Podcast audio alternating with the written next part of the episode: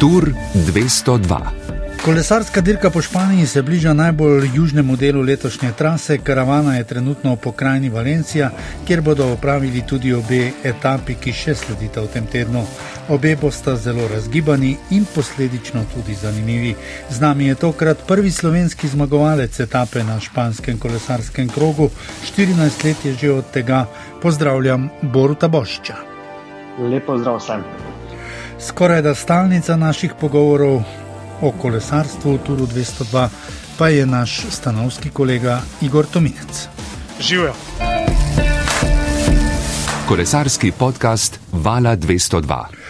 Lahko bi rekli, da je za nami še en dan, seveda sedaj je vse skupaj tako, da tistega prvega ponedeljka eh, na eh, teh tritedenskih dirk, dirkah ni več eh, kot prostega dne, ampak bo potrebno počakati še na dve etapi. Kot običajno ob teh velikih dirkah pa je tudi danes moč odpreti obilo tem, ki so vezane na dirkanje na najvišji ravni. Ampak, ker je z nami Borod Bonžič, bomo najprej malo odšli v preteklost. Borod, koliko je še spominov na tisto šesto etapo omenjenega leta? Ja, ja še vedno ne. E, ogromno, zato kakorkoli. Ne, ne glede na to, da mogoče kot za slovence je bila to prva zmaga, bolj kot vse skupaj to meni veliko pomeni, ker to je bila na etapnih dirkah meni tudi eh, deleč največja zmaga. Tako da eh, delam še skozi kolesarstvo. Eh, kolesarstvo jasno me skozi zanima, upleten sem dnevno s tem in eh, eh dosti krat se spominjam na to. Tedaj ste bili po etapi celo na šestem mestu skupne razvrstitve. Pred vami je bil više le Jani Brajkovič, ki je bil v majici vodilnega, še tedaj, ko je bila majica zlate barve. Tudi to je bil poseben dosežek, biti šesti v skupnem seštevku.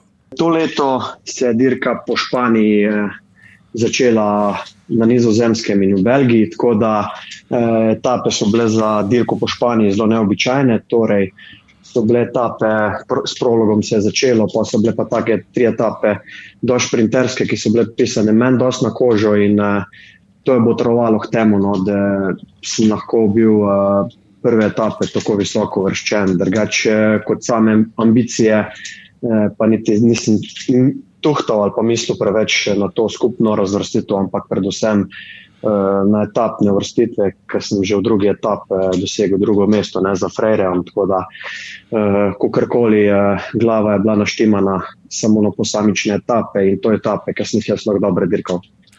Je bilo tedaj to tisto največ, kar se je dalo zgoditi, čeprav recimo tedaj Voljavec in pa že omenjeni Jani Brajkovič, pa sta na dirke že tedaj prihajala kot eh, kandidata za visoka mesta tudi v generalni razvrstitvi.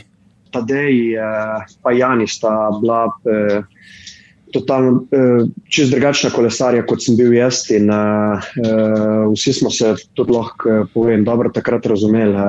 Ni nas bilo toliko kolesarjev, slovencev zunaj, kot jih je zdaj. Nismo imeli toliko dobrih rezultatov, kot jih imajo zdaj. In jasno smo bili v stikih.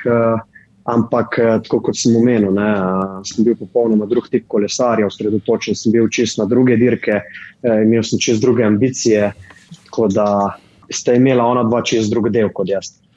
Borod, pred dnevi ste nam že omenili, da je bila vaša tedanja ekipa prihajala, je zanimivo, z nizozemske, izven tistih najbolj uveljavljenih moštov, ki jim danes pravimo svetovna serija. Tudi takrat eh, se je to delilo na isto kot zdaj, ampak malo drugače so poimenovali.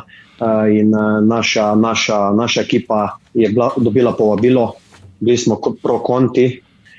Eh, zvedeli smo, da so nas povabili na Velto konec sedmega meseca, tako da v bistvu smo imeli nekakšen en mesec časa v redu se prepraviti. Potihem smo upali, da je neki možnosti uh, in uh, mislim, da tudi kot ekipa, da smo zelo, zelo dobro izkoristili to priliko.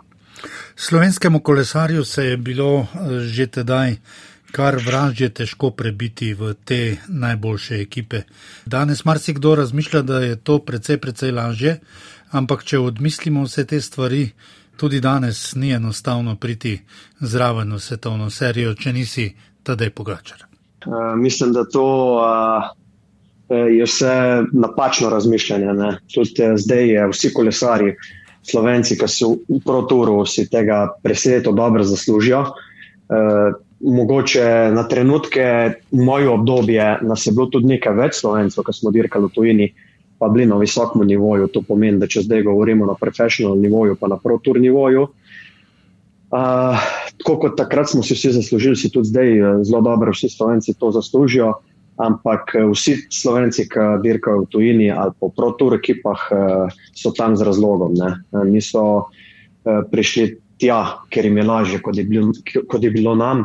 Razlika je samo v tem, da je kar nekaj slovencev, ki v zadnjih desetih, let, desetih letih eh, tako ali pa drugače upeta v kolesarstvo in eh, mogoče potem takem je malenkostno lažje, zato ker eh, kukorkoli so. Eh, Osveščeni že v mlajših kategorijah, ali pa dobijo določene informacije, veliko prej, kot smo jih mi dobili. Na, mogoče samo to je neka razlika. Drugač pa tudi to večkrat omenjam, da eh, kolesarstvo je še skozi zelo iskren šport, ne? zato ker eh, zelo veliko najbolj govorijo noge in eh, mislim, da to bo kar ostalo tako. Pa bi Boruta vprašal, če se spomni, v katerem kraju je dosegel tisto etapno zmago, ker sam, da nimo sem bil točno na tisti dan dežurni za športna poročila na radiju, pa nisem znal izgovoriti tega kraja. Ksatavija. Ksa, ksativa se napiše. Ksativa. Ja. ja, tako da tudi jaz sem najprej mislil, da je ksativa ali pa kot španci včasih ki x v nekaterih pokrajinah izgovorijo kot h, v nekaterih kot š, ampak ker je to v tej isti pokrajini, kjer so dirkali danes v Valencijani, je potem šativa. Šativa. Tako, šativa ja. Po 14 letih vemo, kje je Borod zmagal. Poglejte, Borod, pa ste šele danes, po 14 letih, izvedeli pravo ime, čeprav bo ja. vam najverjetneje v glavi in v mislih še vedno ostalo tisto, kar ste rekli na začetku. Ja, zdaj, glede na to, da omenjam, mislim, da delam še skozi kolesarstvo, da sem opet zelo veliko kolesarstvo, lahko priznam, da. Eh, ker eh, več ali manj na ceste ali pa, ali pa hribe, ki sem jih prej prevozil s kolesom, zdaj je jasno v avtu. In uh, moram reči, da m, ta predstava na kolesu je čist drugačna kot zdaj, in ogromno več imen poznam. Tako da, eh, skratka, kot kolesar si zelo skoncentriran na sebe, eh, na druge stvari, kot z določenimi imeni. In, uh, in uh, ja, to je čist nekaj drugega nekaj doživeti na kolesu ali pa zdaj, ker, ker sem v avtu. Ne, Je pa zanimivo, kar je sedaj Igor začel. Igor je strokovnjak tudi za eh, te izgovorjave, pravilne in tako naprej. Tudi drugi mu radi sledimo v radijski ekipi. In Igor, meni se je enkrat ravno na španski dirki zgodilo, da me je ena gospa podučevala, da španskega jezika sploh ni, da so eh, jeziki posameznih predelov Španije. Kaj bi ti rekel o tem? Ja, saj eh, ravno zaradi tega je pa težko eh, potem izgovoriti, prav če ne veš tudi na katerem koncu Španije je, ker katalonci, valencijanci in baski X izgovarjajo kot š ali pa č, eh, drugi del Španije ga pa včasih uporablja kot h in eh, Potem je pa eh, težava, seveda, pa, potem so pa še lokalne zakonitosti in eh, tako naprej. Ampak eh, mislim, da vseeno o tem, kar se pogovarjamo, so še vedno najmočnejše noge, daleč najbolj pomembne. Brez dvoma, izgovorjavo se bomo že naučili. Borut, če ne bo šlo drugače, boste poklicali kolega Igorja Tominca in vam bo natanko povedal, kako in kaj okrog izgovorjave.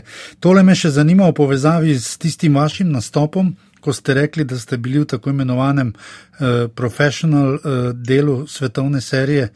Kako je vaša ekipa sploh dobila povabilo, kajti in Španci, in Italijani, in tudi Francozi najraje zapolnijo to mesto z, na seznamu udeležencev z domačimi ekipami? Ja, lahko potrdim, da je uh, prvo leto je bila to ekipa, uh, sicer je bila zgrajena na temeljih uh, eh, enoletno, prej enoletne ekipe, kaj je Black Colstrop, ki sem tudi, eh, deloval, ki sem tudi dirkal na nizozemskem, to, da v bistvu ni se vse zgradilo kar iz nule. Eh, in eh, lahko potrdim, da smo štartali zelo dobro sezono. No. Imeli smo zelo dobre rezultate, prvi del, eh, tudi, tudi drugi del, skratka, zelo, zelo, zelo dobre rezultate smo imeli generalno. No. Ta, to leto 2009, in uh, delno smo si to zagotovili iz, iz, iz rezultati, uh, verjetno pa bo trovalo največ to, da je bil štart na Nizozemskem, v Belgiji, in, uh, in posledično, ker smo bili ekipa odgor, uh, mogoče je tudi to botrovalo k temu, da smo bili uh, del karavane Velte 2009. Eh, govorimo o nizozemskih ekipah, eh, seveda tudi Jumbo Visma, ki jo sedaj povezujemo z najmanj dvema slovenskima kolesarjema, ki sta tudi na letošnji Uelti, prihaja z nizozemske. Vemo pa, kaj je pomenil Rabobank, ki je nekakšna predhodnica Jumbo Visme. Veliko, veliko eh, se vlaga v Belgiji v kolesarstvo, zanimivo pa je, da so nizozemske ekipe enostavno bogatejše. Tako mislim, da je bilo tudi prej, ko je bil Rabobank, tako kot v Belgiji in na Nizozemskem. Mislim, da, da ni nobena skrivnost, se dolgo časa vlaga v ogromno kolesarstvo in uh, posledično so tudi rezultati uh, dobri. Uh, tako da po vsej verjetnosti tudi obe, obe največje ekipe, tako kot Quick Step in uh, prej pa Rabobank, prej pa zdaj Loto tudi eh, posledično je tukaj ogromno verjetno rivalstva in te dve ekipe dela to skozi boljše. In uh, ja, je pa treba potrditi, pa povedati, da tukaj, ko je Primo šel v Loto, uh, pa z njegovimi rezultati je tudi ekipa zelo, zelo zrasla. Ne? Tako da S primožem so rasli in eh, seveda sedaj so očitno med najboljšimi, če ne najboljši. Igor, prej si mi dal eh, dobro istočnico. Prav na tisti dan, ko je eh, Borod Božič dosegel to zgodovinsko zmago, si bil dežurni v naši športni redakciji. To je bilo takrat nekaj posebnega. Skoraj bi človek rekel, da tedaj to eh, ni zanimalo prav veliko ljudi, samo tiste prave kolesarske eh, zanesenjake, ampak očitno je iz vsega tega, kar smo večkrat že omenili, zraslo tudi vse to, eh, kar imamo danes. Ja, zagotovo takrat zmage, takrat še ni bil World Tour, ampak eh, na tej najvišji ravni eh, zmaga slovenskega kolesarja je bila prava senzacija. Eh, lahko bi rekli, da se je to zgodilo vem, enkrat, dvakrat eh, na leto na takšni ravni, da smo dočakali takšno zmago in eh, za me osebno. Je to bil res uh, ogromen dosežek, ne verjamem pa, da je slovenska javnost takrat se izjemno zganila na takšen način kot eh, danes, ko vsi spremljajo kolesarstvo in poznajo vsak korak eh, naših eh, šampionov. In tudi poročevalcev slovenskih takrat ni bilo na terenu. Mislim, da smo potem v bolj večernih urah že po masaži in mogoče celo po večerji z Borutom naredila en telefonski pogovor nadaljavo, da smo imeli izjavo za naša poročila. To pa je bilo bolj ali manj tudi vse, kar smo takrat eh, na splošno mediji spremljali kolesarstva na tako visoki ravni. Mislim, da na Vojelti do dobe Pogačarja in Rogliča ni bilo da bi, ali pa vsaj, da bi lahko do leta 2019 na prste ene roke preštel vse slovenske novinarje, ki so se tam pojavili. Lepo si tole zaokrožil in prav zanimivo je, da tudi Tadej Valjavec, ki je imel vrsto let najboljše dosežke na vseh treh tritedenskih dirkah, eh, je bil recimo in na Džiru in na Turu znotraj deseterice, na Uelti pa je imel 16. Eh, mesto kot najboljši v skupnem seštevku med Slovenci.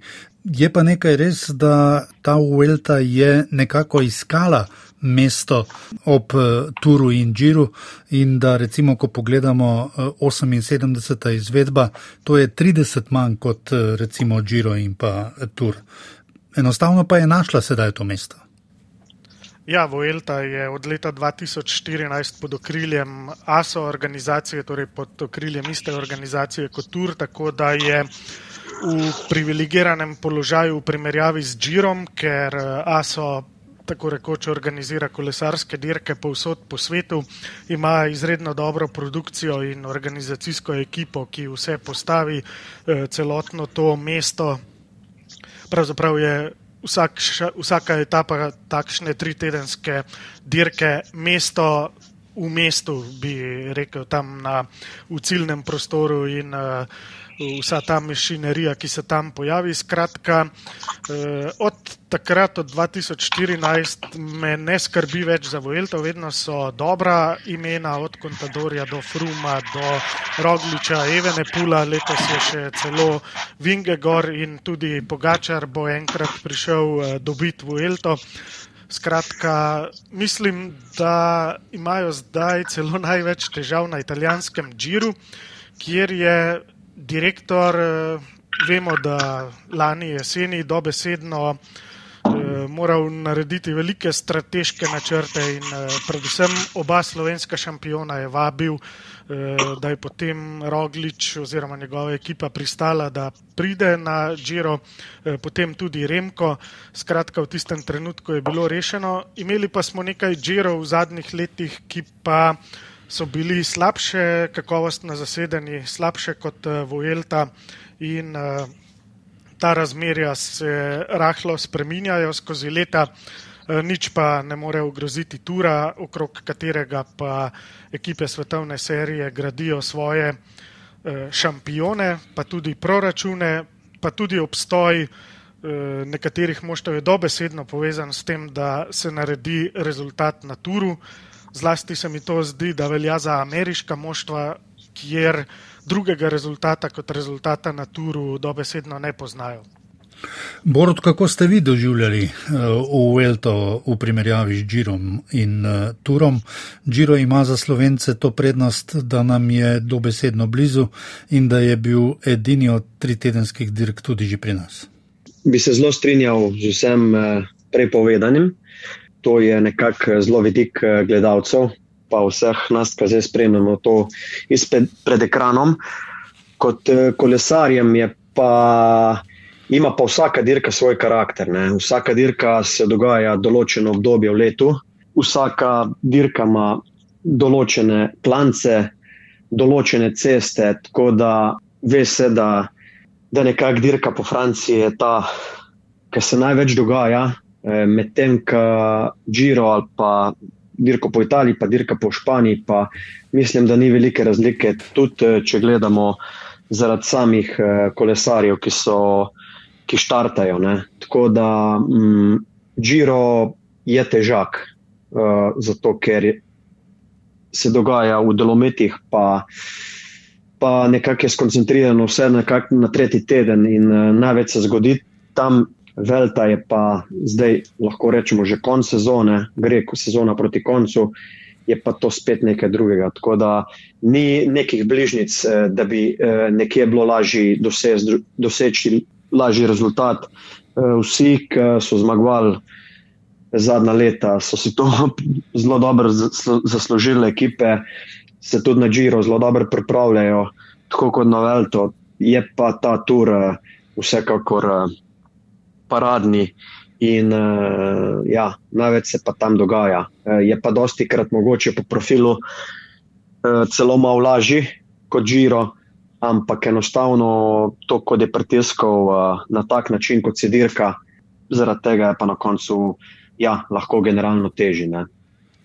Borod, tudi dirkanje se je spremenilo od tistih časov, ko ste bili vi zraven. Eh, seveda, če pogledamo od robovje eh, dirkanja oziroma v glavnino, na koncu je seveda pomembno, kdo je zmagovalec etape, pa generalne razvrstitve, seveda se še vedno vozi v peletonu in kot ste že umenili in tudi Igor je dodal, moč nog eh, bo vedno tista, ki bo najpomembnejša. Ampak dirkanje je drugačno. Ja, to, to je sto procentno. Eh, če gledamo leto 2009, eh, več več je bilo določenih situacij, kot so se zgodile pred parmi dnevi, ko so kolesari Loto Džumbe prišli naprej, pa umirili grupo, da gremo zaradi pogojev, ki so malo počasneje naprej. Eh, tega je bilo veliko več pri nas, veliko več je bilo spoštovanja, zdaj pa enostavno je, je, je dirka kon, od začetka do konca. In uh, me je kar malo presenetilo, da uh, so se jih malo umirili pred parmi dnevi, ker uh, nekaj takega že kar nekaj časa nisem vedel o kolesarstvu. Tako da mogoče se bo pa določene stvari tudi spremenile. Um, je pa tako, uh, zdaj uh, vsak ga je posebej za razumeti, ampak je pa tudi res, da dirka je dirka. Ne? Tako da uh, okoli tega bi lahko ogromno povedali, ogromno govorili. Uh, tudi način dirke na pred 20 leti je bil vsekakor drugačen, kot je bil pred 10 leti, ko mogoče pa 15 leti, ker sem jaz bil na višku. Tako da mislim, da za nazaj uh, nima prav zelo velik smisla uh, govoriti, ker uh, se je treba prilagajati, pa usmirjati kolesarje, pa delati nemi na način, kot je zdaj. Ne drugače uh, ni rezultatov. Igor, ravno o tem smo govorili tudi že v enem od uh, teh turov 202 vezanih na Uelto, da si je Jumbo Visma kot uh, močna ekipa uh, pred dnevi dovolila to, da je tudi Vingegor bil spredaj in umiril karavano. Kot smo kot sva slišala Borota, to se že lep čas ni zgodilo. Ja, zmagovalec Tura zagotovo ima to avtoriteto, da nekoliko vpliva, vendar uh, nima pa seveda tiste dokončne moči, če ga upoštevajo ga, sicer pa ne. Bilo pa je. Bila pa je takšna čudna situacija, se pravi, 9 km pred ciljem se zaustavi etapo za generalno razvrstitev potem pa kdo hoče dirka, kdo hoče ne. In to je zelo čudno sporočilo kolesarjem. Se pravi, tisti, ki dirkate za generalno, ki ste nam pomembni organizatorjem VLT, vas bomo čuvali. Tiste, eh, ki se pa borite samo za etapne zmage, vi pa kar mirno naprej v eh, nevarnih vremenskih razmerah in eh, tudi, če se vam kaj zgodi na nevarnih zavojih na mokri cesti, se zaradi tega organizatorji VLT ne bomo kaj pretirano sekirali. Skratka, ni eh, dobro sporočilo bilo za me, bi pač eh, bilo to, ali je nevarno za vse ali pa za nikogar. To je pač po moje dokončna odločitev komisarjev. Dobro, lepo si povedal in uh, v času Čipolinja in uh, ostalih asov uh, italijanskega kolesarskega športa je bilo pač drugače tudi komisarji prav veliko besede, eh, vsaj na Džiru, niso imeli. Če pogledamo sedaj, Borod, ste kdaj na teh velikih dirkah tudi merili, ne vem, na zeleno majico, na majico sprinterja, bi vam uh, ekipa to omogočila? Uh, nažalost, nisem bil nikoli v taki situaciji, niti nisem bil uh, v, nikoli v tako dobrih ekipah. Uh, uh, takrat, ko sem bil najboljši, da, da, da, da bi lahko meril tako visoko, razen na manjših dirkah, ki so bile, ne, kot je dirka po Belgiji. Uh, ja, uh, zelo šel sem v, v, na ta višji nivo, že v malo poznih letih, uh, dosegel sem to. Na, najvišja raven, zelo pozno za kolesarja. Uh, tako da pač tako je bilo, uh, zdaj časa ne moremo obrniti. Uh, uh, ampak sem vseeno zelo zadovoljen, tako da ni nobenega problema s tem. Se pa vražje dobro spomnim državnega prvenstva, mislim, da ravno pred uh, olimpijskimi igrami v Pekingu, ko so vsi govorili, da sprinterji tam nimajo kaj početi, potem pa je bila, mislim, da reprezentanca preko dne že določena, eh, le eno mesto je bilo odprto, pa so rekli, kdo bo prvak eh, v mirni peči, če se ne motim, bo na koncu dobil to vozovnico za Peking. In prvak je bil Borod Božič, eh, sprinter. Je bilo tako? Ja, včasih se ti zgodi v, v karieri, ne, da kot, eh, kot bivši hiter kolesar sem mogel imeti eh, določene stvari, kako prevrčevati z energijo do da je moreč do tega zaključnega sprinta čim bolj. Uh, več ali manj sem imel to dobro natuhtano, sem na te etape ali pa enodnevne dirke, ki sem lahko dirkal, ko sem samo ocenil, da, da lahko naredim rezultat. Sem bil zelo, zelo previden iz, iz, iz samo energijo, ne, da nisem trošil preveč. Je bila pa parka tudi taka situacija v moji karieri, ker sem štartal čisto sproščeno, uh, ampak uh, sem mogel nekaj narediti, kar je zelo neobičajno za mene. Ne? In uh, jasno, takrat, uh, ko je taka situacija, veš, da nimaš kaj izgubiti in uh, malo riskiraš, ali pa veliko riskiraš. In uh, lahko rečem, da meni se to prav zelo velikrat ni obrestovalo, ampak to, to leto 2008 se mi je sicer na državnem prvenstvu, ampak ja, je bila taka zmaga, ker meni kot kolesarju, ki sem bil, ni bila pisana na kožo, v bistvu delač od tega. Ne. Se pa spomnim, da ste se zares veselili tistega naslova in najverjetneje tudi eh, poti v Peking. Peking eh, je prinesel potem kar precejšnje razočaranje. Eh, tadej Valjavec je bil tedaj kar visoko zapisan. Igor, tudi ti si bil v progi. Ja, ob eh, kitajskem zidu moram reči, da to uh, je bila ena, tako vsaj vizualno, najbolj uh, zanimivih dirk, kar sem jih doživel v karieri. In uh, spomnim se, kakšni varnostni ukrepi so že takrat bili na poti na prizorišče uh, ko je en eh, ameriški ali kanadski fotograf eh, zgrešil avtobus, hotel je iti na eno eh, drugo prizorišče, je mislil, da bo pri naslednjem semaforju mu ta avtobus enostavno ustavil, odprl vrata in da bo lahko šel dol, ampak Pri njih je bil ta varnostni mihurček že takrat, eh, leta 2008, daleč pred eh, COVID-om, ni nihče mogel v mihurček eh, notri, nihče ven. In tako se je pač ubogi fotograf moral odpeljati dobro uro iz Pekinga do Badalinga, do kitajskega zidu in potem nazaj. In potem je šele lahko v tem središču prestopil na drug avtobus ko pa mislim, da mu tako ali tako časovno mu je bilo že vseeno.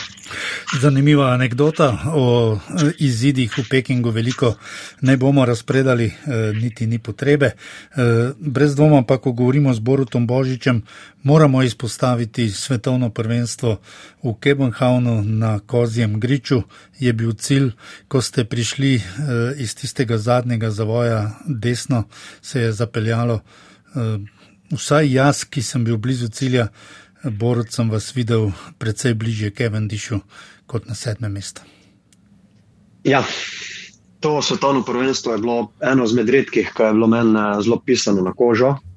E, jasno, e, glavo sem probo preštemati pa noge, da bi čim boljš od, odpeljal. Zdaj je uspelo mi je doseči to sedmo mesto, kar jasno je dober rezultat. E, je pa še par metrov pred ciljem, je izgledalo še malo boljš, ampak eh, ja, v sprintu včasih izgleda, da je tako, ampak eh, velike, je velika razlika kot eh, fanti, ko v klan zdirkajo. Ampak, če zamudiš ta trenutek, ali pa če si prehiter, ali pa če si malo prepočasen, da se ti kje zapre, pa spet ni tega. No? Tako da je ogromna loterija. In, uh, ja, tako kot sem rekel, prišel sem do tega sedmega mesta, lahko bi bil pa tudi kakšno mesto višji, dve ali pa tri, tako da tako je v kolesarstvu. Ja, zanimivo, takrat smo bili že kar razvajeni. Sedmo mesto je bilo uh, super uspeh, uh, pa kar mal kisli obrazi in tako naprej, ampak tako pač je v športu. Dobro vem, da ima Borut eh, raje te sprinterske etape, oziroma da je imel raje te sprinterske etape. Igor, kako je s tabo? Raje gledaš sprintersko etapo ali gorsko? Ja, v bistvu eh, raje gorsko, ker trenutno razen eh, Matevža Govekarja nimamo eh, tako močnega sprinterja in ker gledam seveda slovenskega zornega kota, se borimo za etapne zmage eh, pač v teh gorskih eh, preizkušnjah je pa zagotovo eh, bolje delati in na terenu, oziroma spremljati iz redakcije, kadar so visoke slovenske uvrstitve. Danes Mateoš Govekar na desetem mestu, počasi se prebija naprej in tale Vuelta je za njega izredno dobra učna ura. 23 let ima, prihaja v tista najboljša sprinterska leta in uh, verjamem, da bo že na letošnji Vuelti še nanizal nekaj uvrstitev v desetirice, mogoče še kaj više in uh, predvsem pridobil tisto samozavest, ki jo potrebuje, kajti tiste številke na uh, Power Metro in vse to, mislim, da so pri Matevžu Govekarju že na izjemno visokem nivoju. Verjetno bo pa Borod sam najbolje pojasnil, da je potem poleg teh vatov in vsega tega treba imeti še samozavest in izkušnje in tudi nekaj tega slalomskega znanja. Ravno to, eh, Borod, sem hotel dodati oziroma vprašati. Eh, blizu Idrije je doma eh, in koliko krat vas Mateuš potegne za rokav? Uh, ja, uh, z Matevžem se večkrat slišva, tako kot se z drugimi kolesari, eh, zdaj še v Bahrajnu, ki tudi, eh, tudi delamo v razvojni ekipi od Bahrajna in eh, se doskrat slišva. Tako da, tako, kot se če strinjam s tem, kar, kar smo prej omenili, da, da Matevž je še mlad. Eh, dan 110. mesto je, je, je en tak pokazatelj, da, da, da, da gre v pravo smer in uh, vsekakor uh, tudi kot sprinter, tako kot uh, hribolas, si morajo nekako si morajo porboriti neko mesto v grupi, jaz temu pravim. Zato, ker uh, ne dobiš mesta, ne, če ne pokažeš. In uh, do tega trenutka, ko ti nekaj malo več ne zmagaš, ali nimaš neke ekipe, da ti nudi nek podpor do, do konca, je, je, je vsak sprint težak. Ne. Ampak mislim, da, da, da, da ima te želite že na Dauphineju dokazal, kakšno hitrost lahko doseže, eh, ker tudi tam. Eh, Če se, ne, če se ne bi malo desna stran zaprla, ali pa če bi njegov timing, ta čas štarta, da bi štartal malo prej, bi bil rezultat čist drugačen. E, mislim, da tudi danes, e, ker sem si ogledal sprint, je bilo malo manjših napak, ampak e, to, vse, to se dobi vse z izkušnjami, e, iz kilometri. In e, verjamem, da bo Mateuš to še, e, o, o, da bo osvojil to. In, e, ja, po vsej verjetnosti številke so že prave. In e, mislim, da da se lahko razvije v enega vrhunskega, dobrega sprinterja, eh, vsekakor pa bo Mateo sigurno dober kolesar za klasike, prvi del klasik in eh, lahko, če, če se bo razvijal tako naprej, lahko se, lahko se razvije zelo dobrega kolesarja. Verjamem v to. Pa ima to slo po uh, zmagovanju. Pri pridobivanju tega mesta, kot ste rekli, to si enostavno moraš izboriti sam.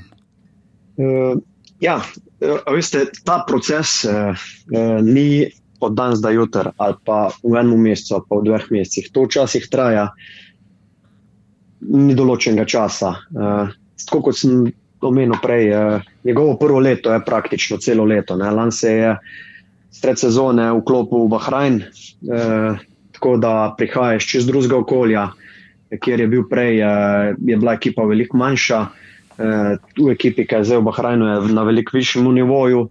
In uh, po mojem, uh, jaz si mislim, iz mojega vidika je na pravi poti. In je samo vprašanje časa, kdaj je, bo, bo presekal. Samen rezultat je lahko prav in se vse obrne čist drugače. Tako da, da je, moje mnenje je to, da je samo vprašanje časa.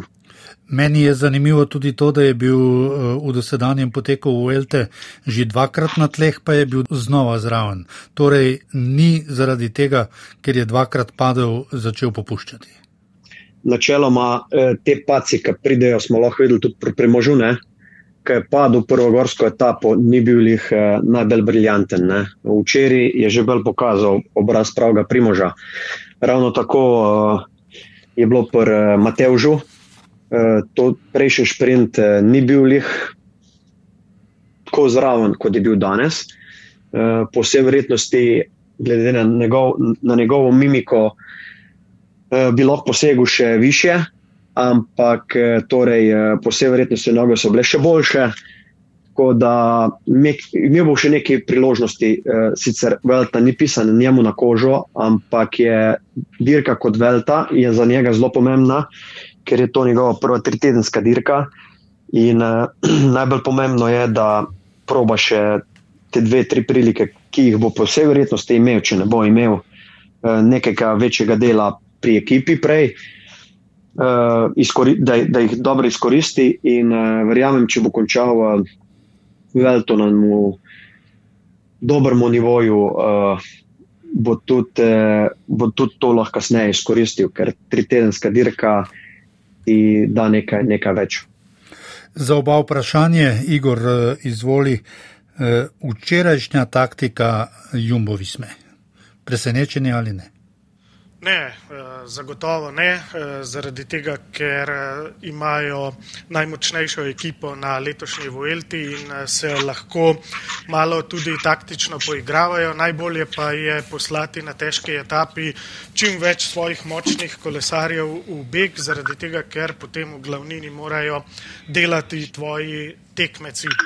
In videlo se je že pred koncem etape, da bodo očitno štartali na etapno zmago, ker je Jan Tratnik moral upraviti tako veliko dela v bežni skupini z nekim razlogom in ta razlog je bil, da se je očitno Sep Kus počutil tako dobro, da je eh, pač lahko meril na etapno zmago. Edino, kar jim je malenkost spodletelo, je to, da sem skoraj prepričan, da so računali, da bo Kus prišel tudi do rdeče majice vodilnega, tukaj pa ga je mladi francos Martinez nekoliko presenetil.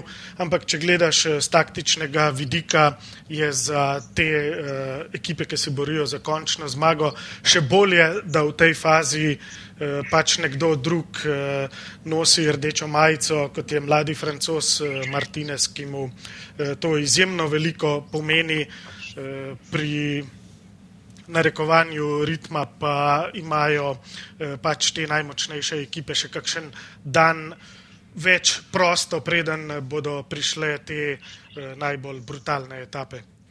Borod je Jumbo Visma tako močna, da si lahko privošči marsikaj? E, vsekakor. E, imajo tako dominantno ekipo, e, da si lahko to privoščijo. Uh, in glede na potek dirkanja včeraj, ker je bilo že od začetka zelo, zelo, zelo težko, uh, jasno, je to po vsej verjetnosti en del darila stepu, ker je na Džiru, kot vsi vemo, opravil vrhunsko delo za Primoža in potem tudi na Turu za Jonasa. Tako da meni osebno popolnoma razumljivo in uh, glede na to, da je v majici Evenpol uh, nobeno presenečenje. Samo še tole, včeraj smo z Igorjem skupaj spremljali vse skupaj, eh, poskušali smo biti eh, čim bolj eh, analitična, bi lahko rekli, eh, če se le da. Eh, moram pa eh, takoj pritrditi tistemu, kar je rekel Igor, sedaj boste pa vi povedali, koliko smo se motila. Eh, med obema kapetanoma je prvi lovil in prvi napadal Primož. To ponavadi pomeni, da je eh, prvi kapetan eh, tisti, ki je bil zadaj, torej Jonas Vingegor. Ja, uh, uh, mislim, da na, za, na to bo treba lehma počakati. Uh, je pa dejstvo v tem, da uh, lans, lansko leto je Jonas prvič zmagal tur, letos ga že drugič. In uh, jasno, po vsej verjetnosti je tako, če bo mogoče, uh, če bo sposoben Jonas uh, zmagati v Elto, če je neka hierarhija, uh, pa če bo boljši od Primoža, pol uh, ne vem, kako se bo zmenil. Uh, ampak mislim, da tudi uh, Primož je včeraj dokazal, da da je super pripravljen in uh, za njih je to sam nekaj dobrega, da imajo dva, ki sta tako vrhunska in eh, lahko grejo naprej zelo sproščeni. Ne. Tako da velta dirka po Španiji je še tako dolga, da se lahko ogromno stvari vmes spremeni, ampak eh, Jumbo Wisma ima zaenkrat po, po, po tem, v bistvu, kako se razvija, zelo vse pod kontrolo. Tako da moramo še malo počakati, eh, pa bomo videli. In sedaj še. Sporednica je bila uh, s tisto lansko odločilno etapo na Turu na Granon. Uh, takrat sicer je bila situacija drugačna, ker na Rogliča tako ali tako niso več računali, ampak vseeno, uh, ko sta izmenično napadala Pogačarja, je Roglič moral iti vedno prvi v akcijo in to je nekako ponavadi znak, da. Uh, tistega osrednjega kapetana nekoliko bolj čuvajo. Eh, ravno zaradi tega se nam je porodila ta misel, eh, ker je moral Remka Evenepula Roglič prvi napasti, da se mogoče dogaja isti scenarij, eh, vendar je. To je pa tudi treba priznati, situacija je toliko drugačna, da, letos, da sta letos oba v 100-odstotni pripravljenosti, Vingegor in Roglič. Nihče nima kakšnih poškodb. Vingegor je imel nekaj bolezni, pravijo v minulih dneh, ampak mislim, da proti koncu Vuelte bosta oba na 110 odstotkih. Eden zmagovalec Džira, eden zmagovalec Tura. Za konec za oba še tole vprašanje. Leni Martinez, kaj naj rečem, sam ga nisem pričakoval, da bo po sedmi etapi na prvem mestu. Eh, je on eh, iz iste kategorije tekmovalcev, teh mladih, kot recimo Juan Ayuso eh, in ali francozi imajo kolesarja, ki bo lahko dobil tur.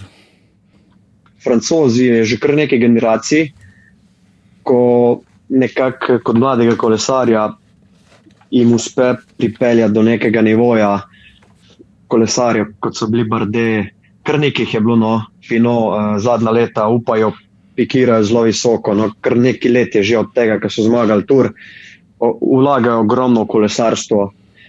Martinec vsekakor ni presenečen, zato ker eh, vsekakor je zmagal v Tour de la Unir, tako, tako, isto kot tedaj Pogačar, ki, ker vsi vemo, da je to tur za mlajše kolesarje, tako da jih presenečenje ni. Bila taka situacija, da je bil zraven v begu in eh, je to vrhunsko izkoristil, mislim, da kišnih zaključkov delati, eh, vsekakor je pr prvi teden velte, bomo videli, kako bo naprej. Ampak eh, vsekakor je pa kolesar, francoski kolesar, ki bo treba v prihodnosti računati na njega. Ne? Igor, ti si ga omenil že na začetku velte.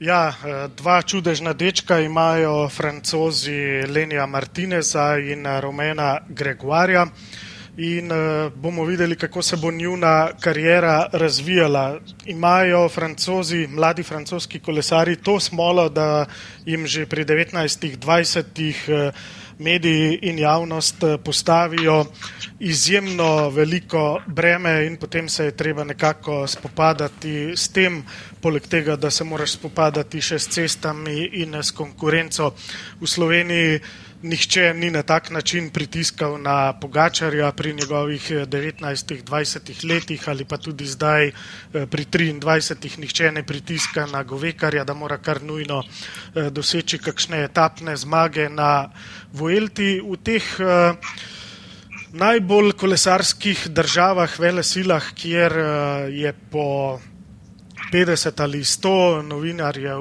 na terenu in spremljajo vsak korak vsakega kolesarja, tam pa so drugačne situacije in uh, morajo res zaščititi uh, te mlade fante, ampak uh, od tega, da nosiš rdečo majico na uh, Vuelti nekaj dni, pa do tega, da dobiš tur v Parizu, so še ogromni, ogromni koraki, svetlobna leta in uh, kot pravi Borod, bo treba res še počakati, da vidimo, kaj se bo razvilo iz teh mladih čudežnih fantov.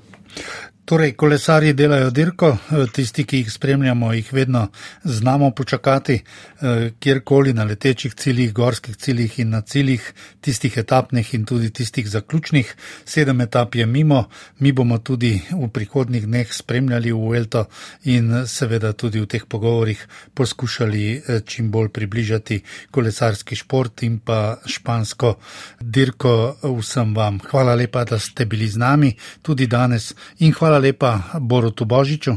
Hvala tudi vam. In seveda tudi Igorju Tomicu. Hvala, lepo zdrav. Toliko za danes, v naslednjih dneh, tudi septembra, pa bomo znova skupaj. Tur 202.